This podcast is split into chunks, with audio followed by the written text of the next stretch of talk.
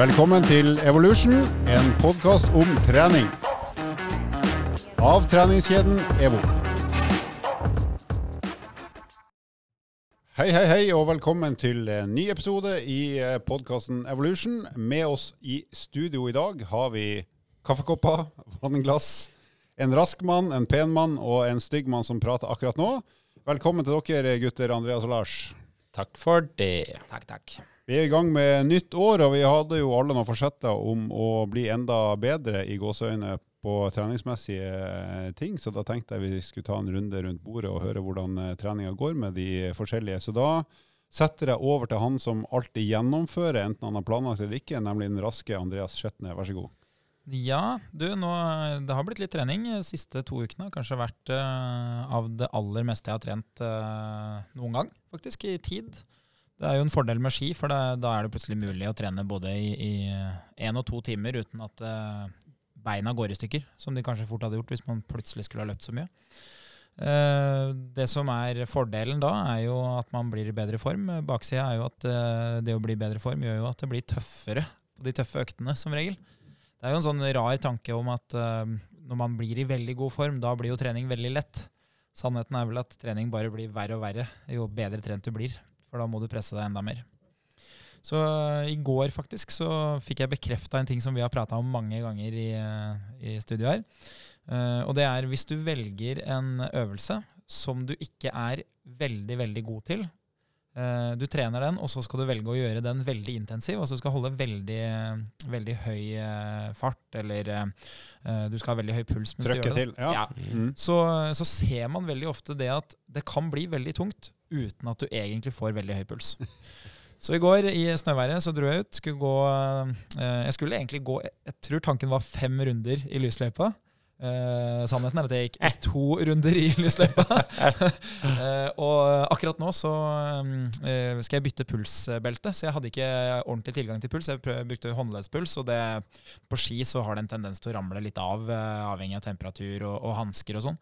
Og når du ikke har puls, så får du på en måte ikke Da, da må du begynne å gå på, på subjektiv følelse, som fungerer veldig bra. Men det fungerer ikke veldig bra for en som har planlagt å gå på puls. så jeg banka til og hadde jo selvfølgelig veldig lav puls, fordi den, den funker jo ikke. den Du var i sone 0,5? Ja, og da går jeg jo så fort jeg kan. Og det gikk ikke fort heller, på tida, for det snødde jo. Så sånn halvveis ut på andre runden så skjønte jeg at uh, det jeg har her nå, det er min siste innspurt. Siste av arvet. det siste av arvet. Gikk du skate eller klassisk? Jeg gikk klassisk. Og det som skjer, da, det er at når du går fortere uh, når du går klassisk, så går du ofte bedre teknisk. Problemet er at varigheten på bedre teknisk er veldig kort. Fordi når du blir skikkelig sliten, da går du ikke bra teknisk lenger. Da ramler alt sammen. Hvordan er løypa der? Altså Er den kupert? Er den ja, den er veldig kupert. Den er egentlig veldig lett. Hvor, hvor gikk du den? Uh, det var i Nittedalen. Så jeg gikk en runde rundt I Nord-Norge. I Nord-Norge. Jeg gikk en runde rundt et sted som heter Skredderud. Uh, der er det ikke så mye folk. Så Skredderud? Seriøst? Skredderud, faktisk. Et latterlig navn. er ikke det gjengangeren for alle sånne steder i skogen? Du skal ha latterlig navn.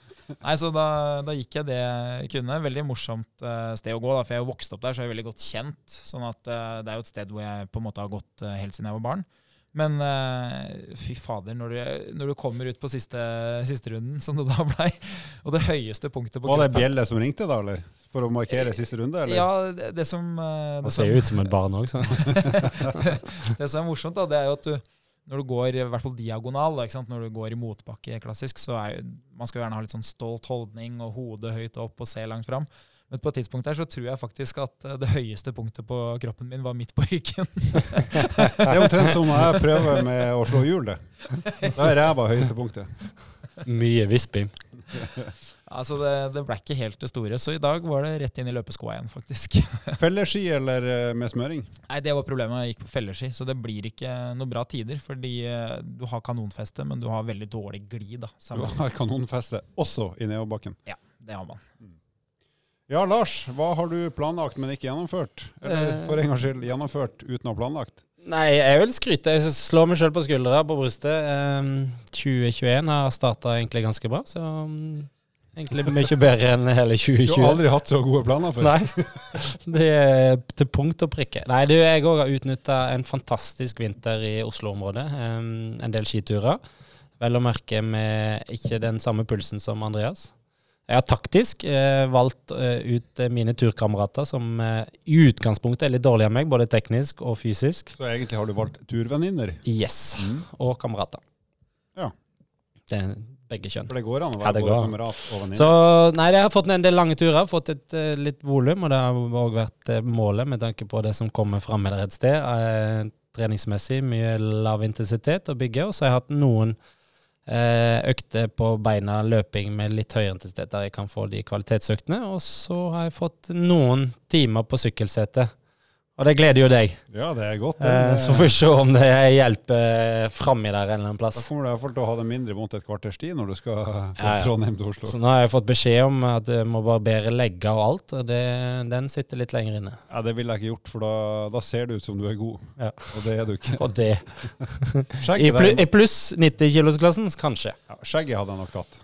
Det hadde jeg gjort uansett. Det, det er jo en klassisk eh, Birken-tanke det, når du står på start og du eh, ser de rundt deg, og så kommer du i mål, og så ser du noen som kommer i mål en time bak deg, så tenker du hvis du hadde trent én gang til og ikke brukt 10 000 kroner til, så hadde du kommet til å vært her en halvtime tidligere. Men Nei. eh, Lars, skal Ja. du, du skal jo sykle til sommeren og til våren òg, for så vidt. Eh, og så har jo vi to snakka litt om at du skal gjøre en liten test bare for å se hva er sykkelkapasiteten din per nå. Og da har vi snakka om en sånn såkalt FTP-test som eh, består av at du sykler så hardt eller fort du kan i 20 minutter. For å se hvor mange watt du i gjennomsnitt produserer da. Og eh, bare for å pirre lytterne litt, eh, når tror du at den blir gjennomført? For det Den- er jo noe vi kan snakke om litt fremover. Ja, Den er planlagt gjennomført førstkommende fredag. Um, det er vel ja, Dato husker jeg ikke i hodet, men Midten, Eh, ja. midten slutten av januar. ja. Mm. Så det om noen dager eh, så skal den gjennomføres eh, med bravur, forhåpentligvis.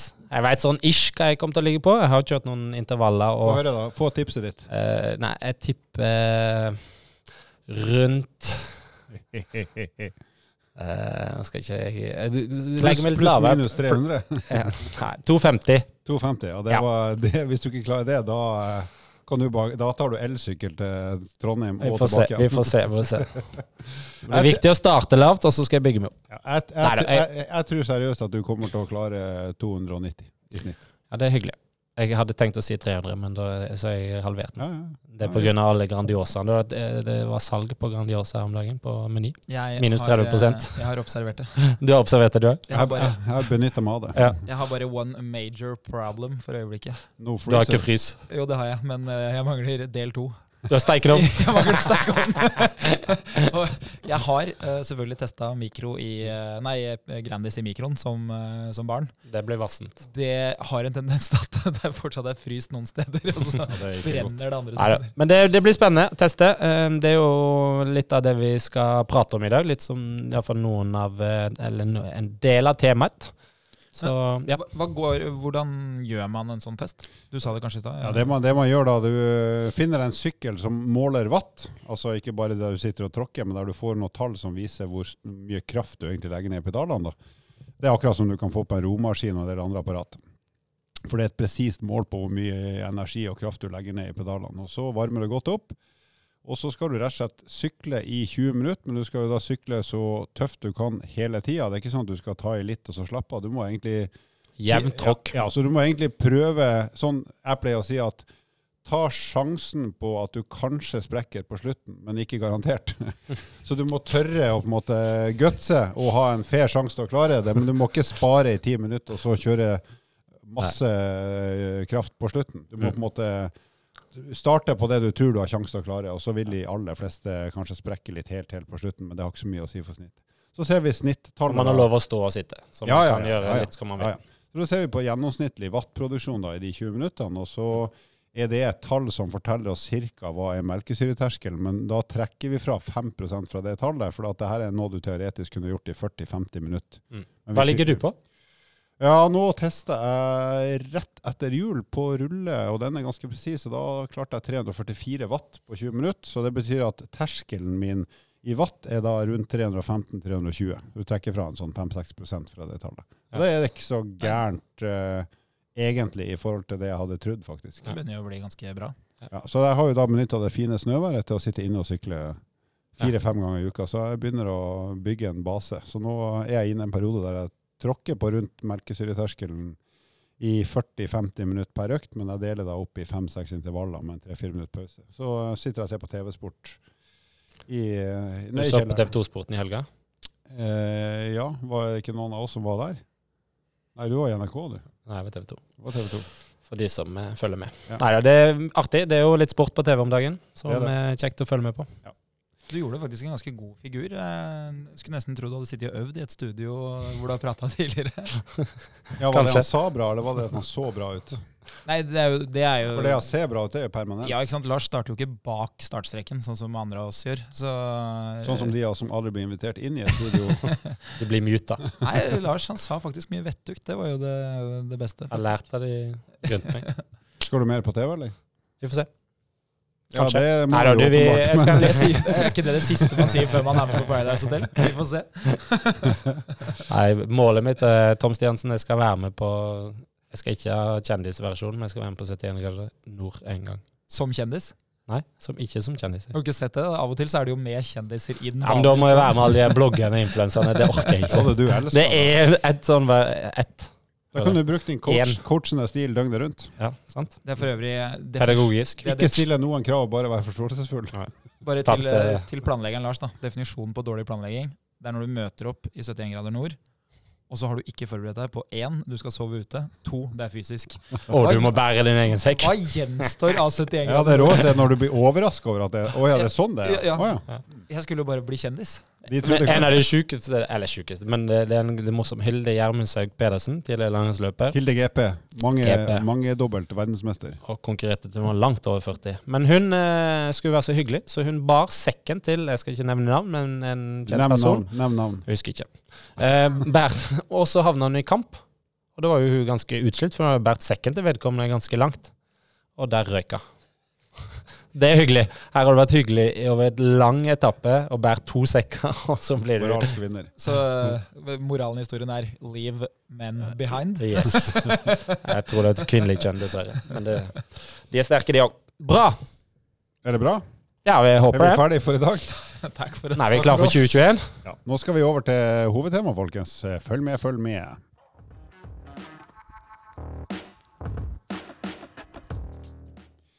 I denne episoden her så skal vi være så frekke og freidige at vi sjøl prøver å spå litt hva er det som blir poppis på treningsmarkedet, eller innen trening nå i 2021. Eh, Så vi skal spå litt basert på det vi har sett de siste årene, og hva vi ser tendenser til, i hvert fall her i Norge.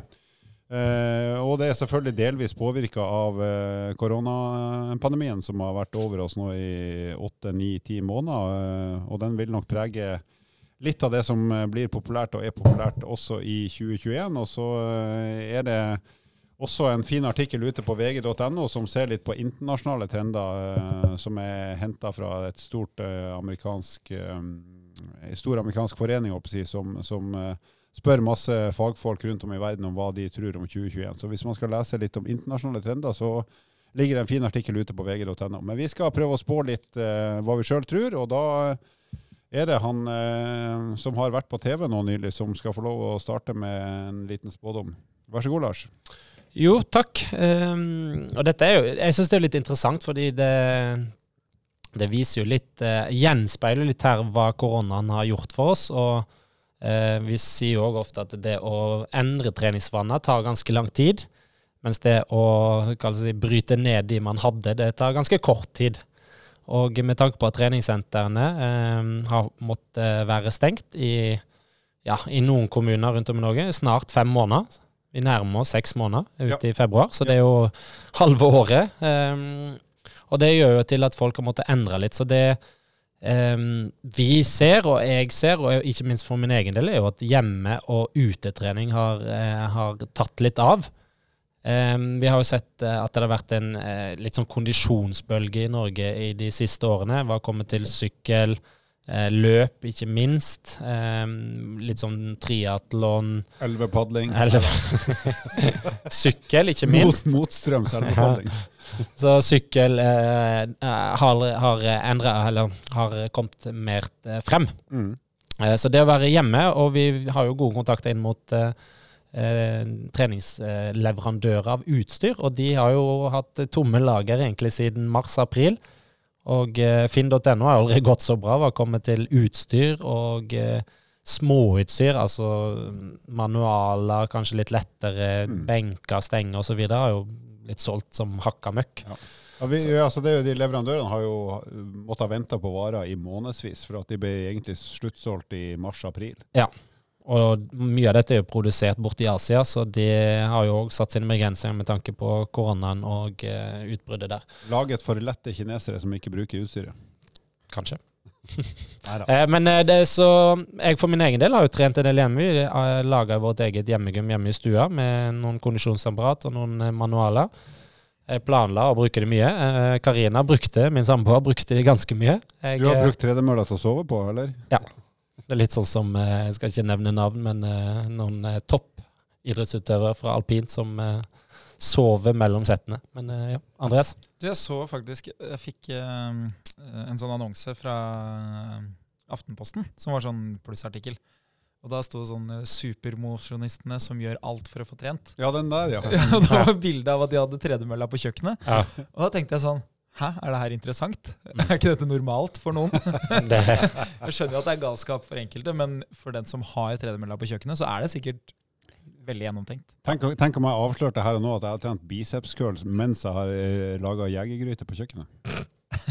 Det har skjedd, men ikke ofte. Nei, altså, det er blitt uh, populært, og ikke minst utetrening. Vi har jo eh, et klima i Norge som tilsier at vi kan trene en del ute hvis man har gode klær eh, og er villig til å gå ut og bruke skog og mark og friidrettsbaner og ja, osv. osv. Mm. Så det er kanskje en av de viktigste trendene som har vært i 2020, og som eh, jeg er ja, ganske sikker på kommer til å fortsette langt inn i Ja, vi ser jo det nå når det er skiføre, i hvert fall her, rundt her vi bor, som Mm. er på Østlandet, at det er jo ekstremt mye folk som er ute og, og bruker Ja. både skøyteis og, og snø til å bevege seg på. Ja, og sportsbutikken er jo eksempel utsolgt for eh, hodelykter. Ja. Eh, så det å komme seg ut på kveldstid og gå når barna er lagt osv., det er blitt òg ekstremt populært. Ja, og det er vel enda flere blottere òg som har begynt å operere med hodelykt For å paralysere de de skal vise seg framfor. Så det er trend nummer én. Ja. Hva med deg da, Skjetne? Du er jo en eh, fremadstormende eh, trendanalytiker. Hva tenker du eh, kommer til å prege 2021? Eh, nei, vi kommer jo ikke unna det Lars sier, at eh, hvis du tar på deg skia en eh, helgedag i Oslo, så går du i kø. Så det har jo blitt veldig, veldig populært. Nå, nå har man jo fått noen, eh, noen ting som på en måte gjør at det har blitt veldig populært òg, da. Det ene er jo at du en, stengte alle treningssentrene på et veldig gunstig tidspunkt i fjor. Du stengte de eh, sånn at eh, man ikke kunne bruke de i påska og ukene før. Som gjorde at folk på en måte fikk litt sånn eh, eh, behandlingstid før de eventuelt måtte gå i gang med trening ute. Eh, og så hadde man jo en helt grei vår. Det var faktisk ganske bra vær eh, i, i vår, så folk eh, fikk jo trent tidlig. Jeg gikk jo gjennom mine egne økter her, og jeg så at eh, jeg begynte å løpe ute allerede i slutten av februar. For det var nesten ikke snø i fjor. Mm. Eh, og da får du den, den boomen ikke sant, med at alle skal trene ute. For det, det å trene ute i, i 15-20 plussgrader, det er egentlig ganske greit. Mm. Eh, og pga. stengte treningssentre helt fram til 15.6, så, så blei det jo da veldig veldig mange som trener ute. Folk fikk kjøpt seg turutstyr, uh, man fikk jo ikke reist til utlandet, så plutselig så måtte man begynne å bruke Norge litt mer, da, og de tingene som ligger litt nært. Uh, og da når du stengte ned igjen nå, rett før skisesongen, så er det jo helt naturlig at man blir til å fly ute.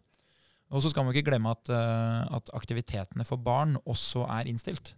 Sånn at fotballtreninger, håndballtreninger, Det betyr at veldig mange familier har jo mest sannsynlig kjernefamilien hjemme hele tida. Som gjør at det sikkert er både aktuelt å gå med unger i helgene, men òg gå litt aleine i ukedagene. For man ender jo opp med at ingen skal noe sted, alle er hjemme hele tida, og det, det gir ofte litt sånn ekstra tid, da. Det gir også Eh, et eh, ekstra press til oss foreldre om å få med oss ungene ut, så de ikke sitter foran skjermen hele tida. Det. Det må jeg si jeg føler på sjøl. Ja, og så har man ikke lenger den klassiske unnskyldningen med at det kommer et eller annet jeg skal gjøre. For de aller fleste så kan det hende at du allerede er lei dagen i, i to-tre-tida, for du har vært hjemme på hjemmekontor. Uh, I går prata jeg med en kompis som, uh, som driver en sportsbutikk i Nittedalen. Og de har jo opplevd uh, virkelig hvordan uh, 2020 Er det rett ved den der skredder, Uh, Rett ved skredder. skredderåsen, eller hva du kalte det? ja, rett ved Skredderud. Skredderudtjern. Skredderud. uh, nei, så de, de driver en, en sportsbutikk på Mosenteret, Sport1-butikk, og, og den eh, har jo virkelig blomstra. da. Eh, så de har jo fått sett eh, hvordan en aktiv bygd som Nittedalen plutselig har begynt å ta i bruk eh, ski og hockey. Jeg Og, har sett hvordan det er faktisk har kunder i butikken. ja, de, de, altså, det er jo ikke kødd. Det har jo virkelig eksplodert. Eh, så de har jo hatt en, en god butikk tidligere, for det har vært et aktivt miljø, men nå har det vært helt Det har vært sånn eh, siste uke før jul, påske, hver uke. Mm. Eh, når du plutselig har omsetningstall på en tirsdag, som du vanligvis har hatt lørdag før jul, da, da skjønner man at noe har skjedd, da. Dette er ikke et sponsa innlegg, altså. Nei, det kommer nå. Det kommer Nå kommer det nå, nå kommer det. Og det er et innlegg for Skredderud. Så det som er veldig bra, det er at folk har blitt mye mer aktive. Og jeg tror at når man tvinger folk til å gjøre en del ting, så, så finner de interesse i det òg. Og du har jo sett det nå veldig godt da i, i sosiale medier, at ekstremt mange har vært ute. Det, det florerer jo med bilder fra, fra Nordmarka eller fra fjellet eller Og det som har vært morsomt nå, er at det har vært såpass bra vær i Nordmarka òg, at uh, bare du har reist til Mylla, da, så ser det ut som det er høyfjellsbilder. Nordmarka da igjen, for de som er ikke er innvidd, det er da eh, et eh, utelivsområde i nord for Oslo sentrum. Nå trodde, Som, trodde du skulle si at det var nord for Sørmarka. og det er faktisk nord for Sørmarka. Er det noe som heter Sørmarka? Ja, Men det er drittmark. Hvor er det? Ja, Det er sør, for Oslo. Men Østmas, Østmarka, Vestmarka og Nordmarka er jo mest kjent som sånne turområder for de som bor i Ja, det var jo derfor jeg lurte. Hvor er Sørmarka? Ja, det er jo da sør. Retning Kolbotn. Holmlia Kolbotn. Nede i Prinsdalen der det er sånn 40 meter med skog. Ok, ja, Pastoren bodde før det. stemmer det. Nei, så, så vi har jo virkelig sett at, eh, at det har blitt poppis å trene ute. Det, det ser man jo bare i, i sosiale medier, da, som sagt. Så jeg tror at eh, øverst på lista her så vil man jo se en del sånn tegn til, eh, til utetrening. Eh, men jeg tror nok at mange kombinerer det med litt lavere intensitet, litt mer sånn friluftsopplevelser. Og da passer jo både ski og turgåing, toppturer. Jeg vil jo anta at hvis vi neste sommer får det samme regimet som vi har hatt i sommeren som var, ved at det ikke blir like aktuelt å reise til utlandet, så tror jeg jo fort du kan se en ganske stor eksplosjon i sånn type toppturer og fjellturer. og Det vil nok bli veldig populært å være aktiv, da. Jeg har jo allerede forberedt ungene mine på at det blir nok en trist sommer i Norge.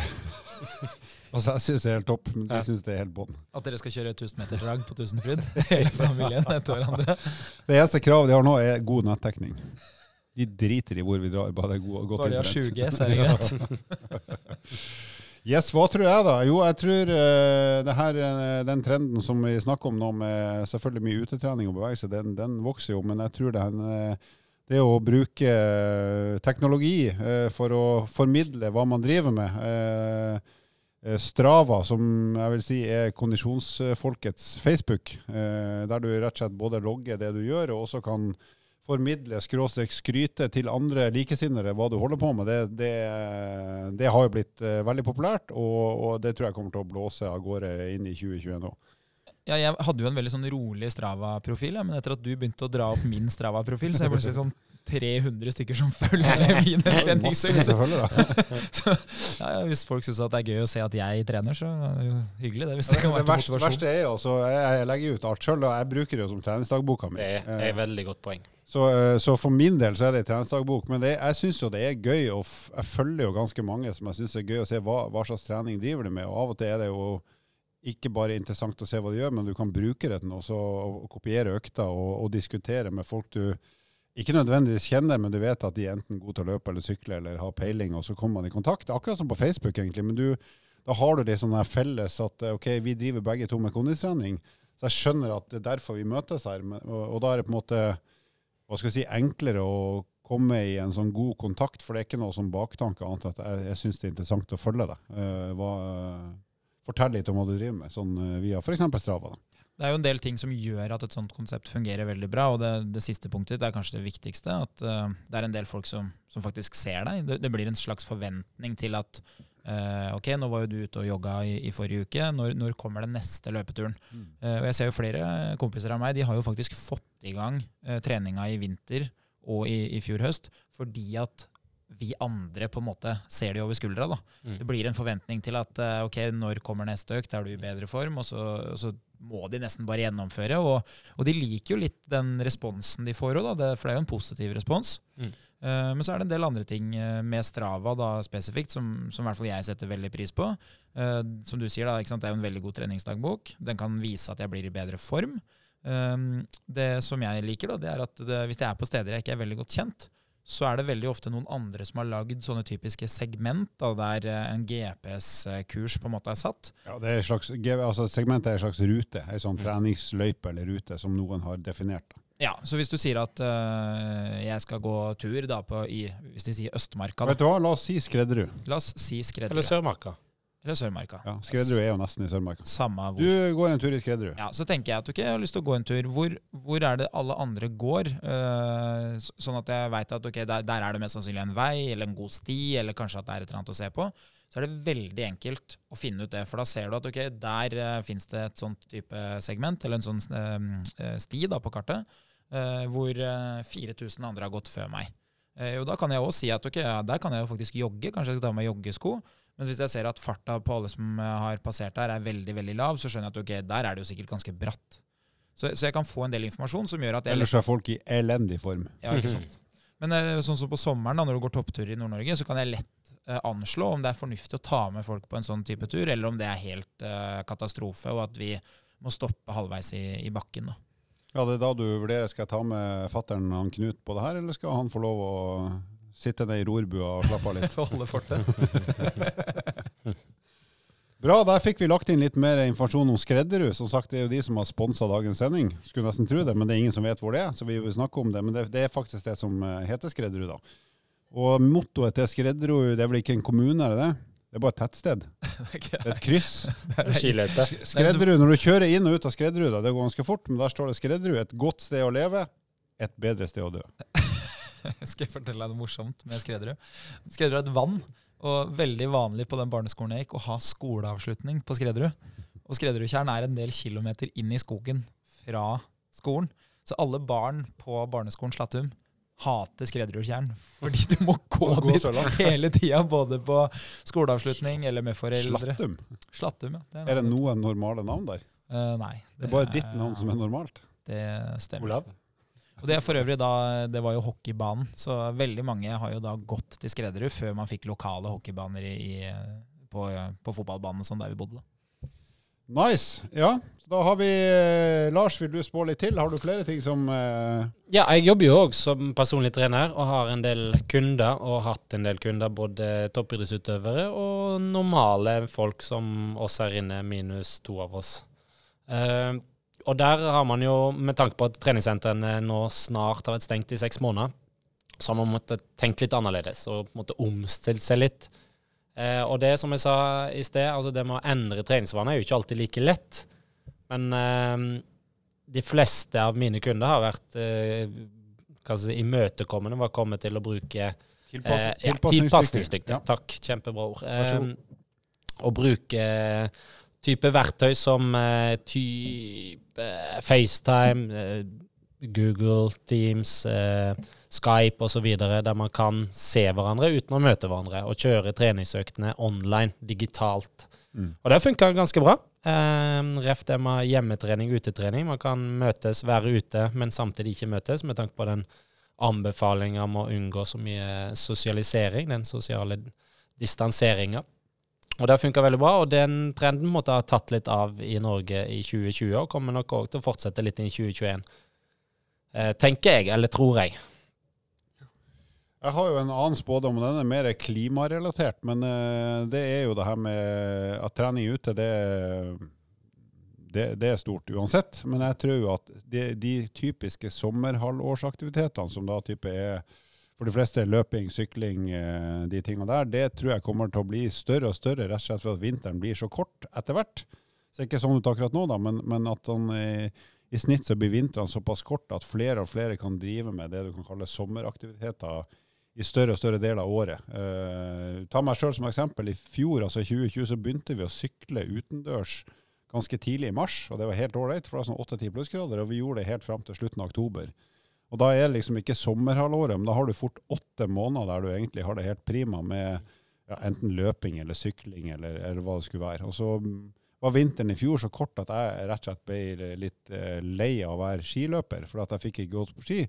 Nå kan jeg for så vidt angre på det akkurat nå, men jeg tror at der, eh, hvis klimaet fortsetter å utvikle seg sånn, så tror jeg nok at sommeraktiviteter eh, kommer til å overta mer og mer, kanskje dessverre, for det som typisk eh, har vært vinterhalvårsaktiviteter, hvis ikke vi får eh, vintre som gjør at det blir eh, meningsfullt og artig å kunne holde på med skøyter og ski og sånn i mer enn noen få uker.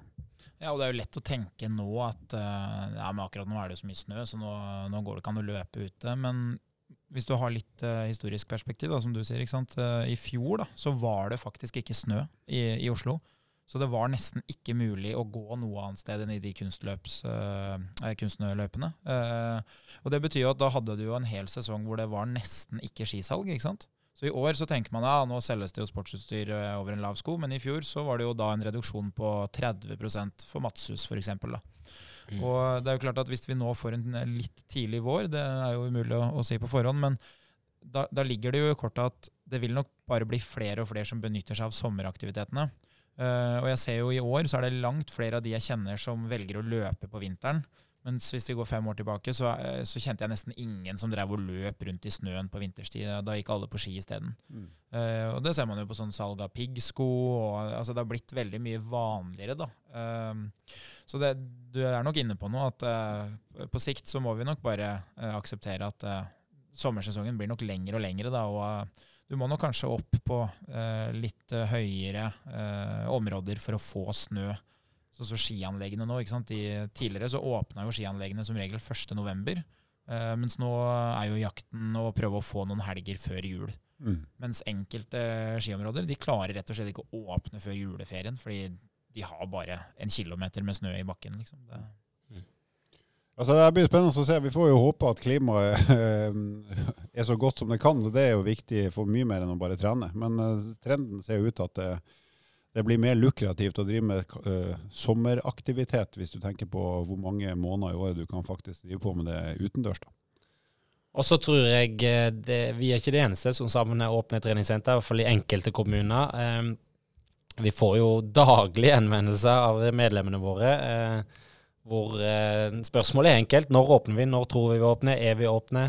Eh, og Store deler av Norge er jo åpen, men òg eh, en del kommuner som er stengt. Og da spesielt Stor-Oslo lider jo veldig av dette, her, der det er veldig mange som trener på treningssenter. Og de eh, kommer jo tilbake igjen, og så jeg tror det med å trene på treningssenter kanskje blir forhåpentligvis blir like populært som det var, og kanskje enda mer populært, for folk nå har blitt fratatt den muligheten til å gå inn på treningssenter. Jeg tror, jeg tror veldig mange som på mange måter har klart å prøve å få til noe hjemme eller ute, som jo er kjempebra, men de, når man blir tvunget til det, så oppdager man også hvor utrolig behagelig og enkelt det er å få gjort den treninga man vil på et treningssenter. Ja. Så jeg tror det der, eh, når alle får lov å åpne igjen, og får lov å drive med helsefremmende bevegelse, så tror jeg veldig mange kommer til å sette pris på at det gjør jeg på treningssenteret, for det er tilrettelagt for at det skal gå veldig enkelt og være trivelig. Ja, og så er det jo det med egen kroppsveksttrening, som på en måte er den styrketreningen man i utgangspunktet kan gjøre hjemme, eh, med mindre man kjøpt inn mye utstyr, og samme ute. Og den eh, Det vil jo eh, på et eller annet tidspunkt stagnere litt og stoppe litt opp, og da trenger man den ekstra ytre belastningen. altså selv om du er gammel og ung og ikke har trent så mye styrke, så er det den påvirkninga der, den ytre belastninga, man trenger for å få den ekstra fremgangen. Og den tror jeg er ja, folk flest, og vi vet at folk savner virkelig. Ja. Da er vi inne på en ting som, eh, som vi har prata om tidligere òg. Av og til så kommer det jo noen henvendelser sånn uh, på Facebook og altså, noen kommentarer og sånn hvor du har den uh, Ja, men man trenger jo ikke treningssenter. Kan jo bare trene ute. Og sannheten er at du kan jo trene hvor som helst. Det er jo ikke sånn at det skjer noe magisk på et treningssenter. Men treningssenteret er jo rigga for at du skal kunne lykkes med treninga. Der er jo apparatene designa for de bevegelsene som er mest hensiktsmessig for å styrke muskulaturen eller for å få bedre kondisjon. I tillegg til at det er lett å gjøre det tyngre, som er et av kravene for at man skal bli i bedre form. Og det vi ser, da, det er at de som trente ute i sommer, eh, de lyktes jo veldig bra. Det, det handler jo om motivasjon og gjennomføringsevne. Men når vi begynner å nærme oss uh, midtvinters, da, så begynner man å se at det er ikke like lett å få det til. En del av de øvelsene som jeg gjorde på bakken uh, på da, det utegymmet i Lillestrøm, det er ikke like fristende å, å, gjøre det nå. Samtidig som en del av de øvelsene hvor jeg skulle f.eks. Eh, trekke kroppsvekta mi, da, hvis du kjører sånn bomhev eller eh, hangups og sånn, det er ikke like lett med dunvotter å få til det som det det var eh, i, i sommer. Så da plutselig går vi fra at det å trene ute, det er veldig sånn, kall det convenient. da. Det er veldig eh, fint for meg å bare kunne gjøre det ute i sola. Veldig, veldig deilig. Men akkurat nå så hadde det vært lettere å gjennomføre treninga hvis jeg hadde hatt et treningsrom. Men helt ærlig, det største problemet ditt med å trene ute nå, er at nå er det så kaldt at du ikke kan trene i bare overkropp. Ja, og da blir det jo for tungt, rett og slett. Ikke sant? Så da kan du ikke. Yes, Den siste spådommen jeg vil komme med, og den er jo ikke noen bombe, for den har vært høyt oppe på lista i årevis, det er jo det her med å trene for å få bedre helse og gå ned i vekt. Eh, det kom ikke i fjor, det har jo vært siden i hvert fall 50-60-tallet, når vi begynte å få, få et lett, lettere liv når jeg ble født. Mm. Faktisk rett etter jeg ble født. Men spesielt nå de siste månedene, der vi, der vi vet at befolkninga i snitt har eh, gått opp enda mer i vekt enn det de vanligvis gjør. at det er et liv som er prega av restriksjoner, og det gjelder jo dessverre unge og barn og unge også. Så, så, det her med å trene for å komme seg ned i vekt og komme seg i en form som er right, det, det kommer nok til 2021 til å prege seg. Så håper jeg at det faktisk blir gjort noe med det, at vi får trent oss i bedre form, og ikke bare at problemet blir større i løpet av året. Men det gjenstår å se, selvfølgelig. Da, eh, gutter, skal vi uh, tusle over til ukas spørsmål og en fun fact.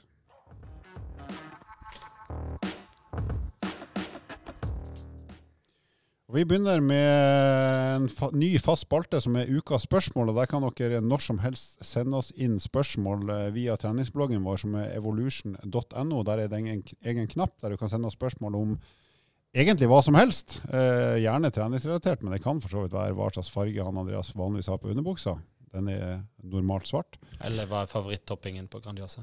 Ja som er normal ekstraost. Uh, men egentlig hva som helst, men gjerne treningsrelaterte ting. Det, eller kost.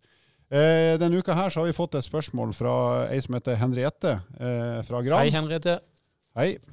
46 år fra Gran. Hun har ikke gitt etternavn, men alder og bosted. Så jeg tipper at på Gran er det ikke så mange som heter Henriette, så det er mulig å spore opp. Uansett, da.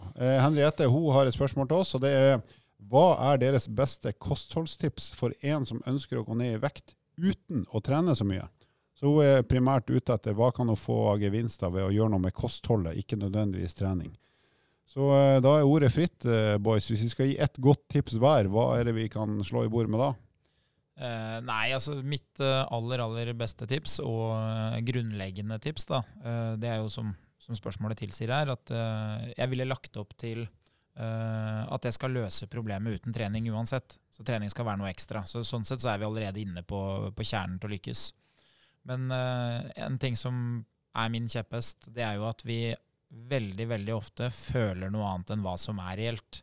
Så det første jeg ville ha gjort hvis jeg skal lykkes, det er at jeg ville begynt å skrive altså skrevet ned alt jeg spiser i løpet av en uke.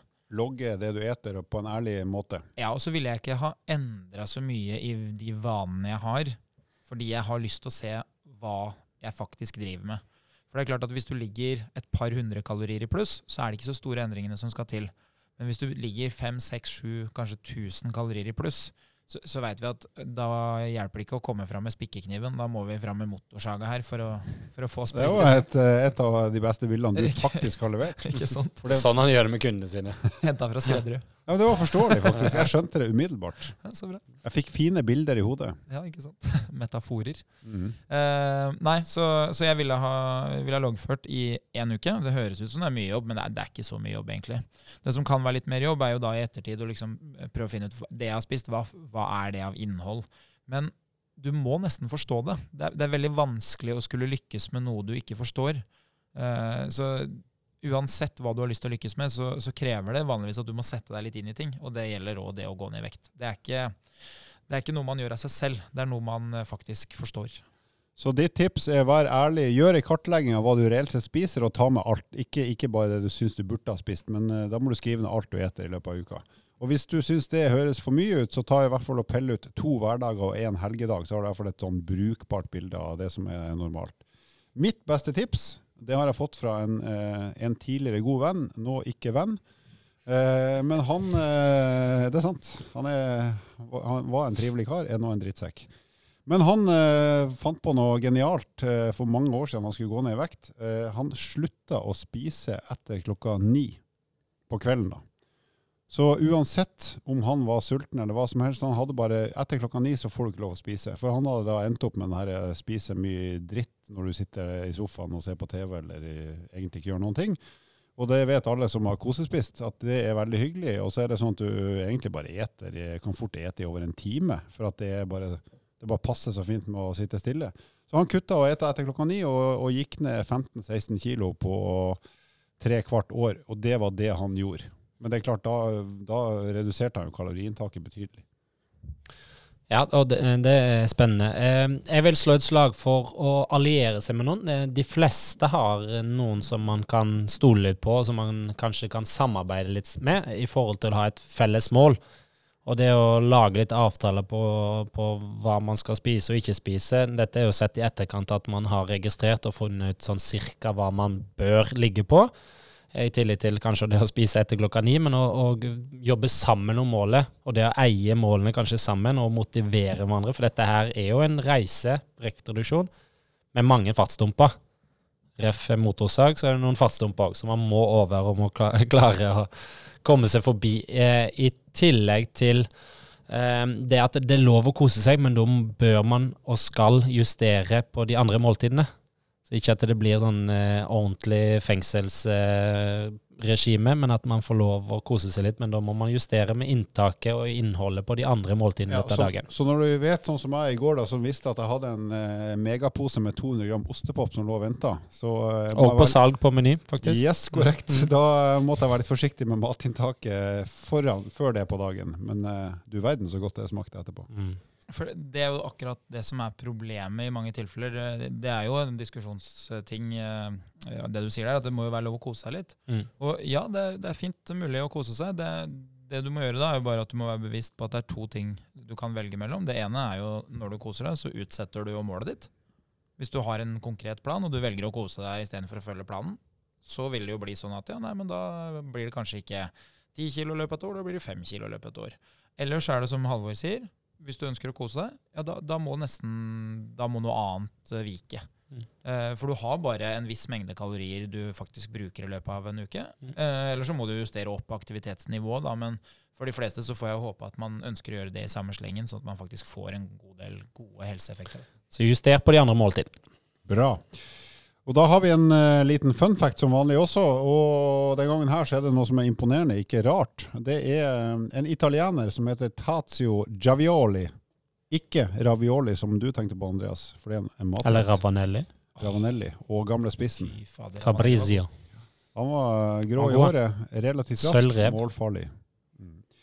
Eh, men jo da, Tazio Giavioli han blir kalt The Italian Butterfly, og han har eh, verdensrekord i pullups med lillefingeren. Altså han eh, henger kun etter lillefingrene, og han har klart Én? han har klart én pluss 34 pluss én til. Altså 36 pullups der han bare henger fast i lillefingrene.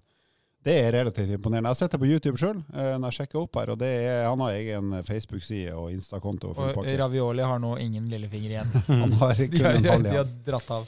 Det er brukbart. Det er vesentlig mer enn jeg klarer med håper å si, teipa fast eh, begge nevene. og Jeg tror min pers er 21 eller 22.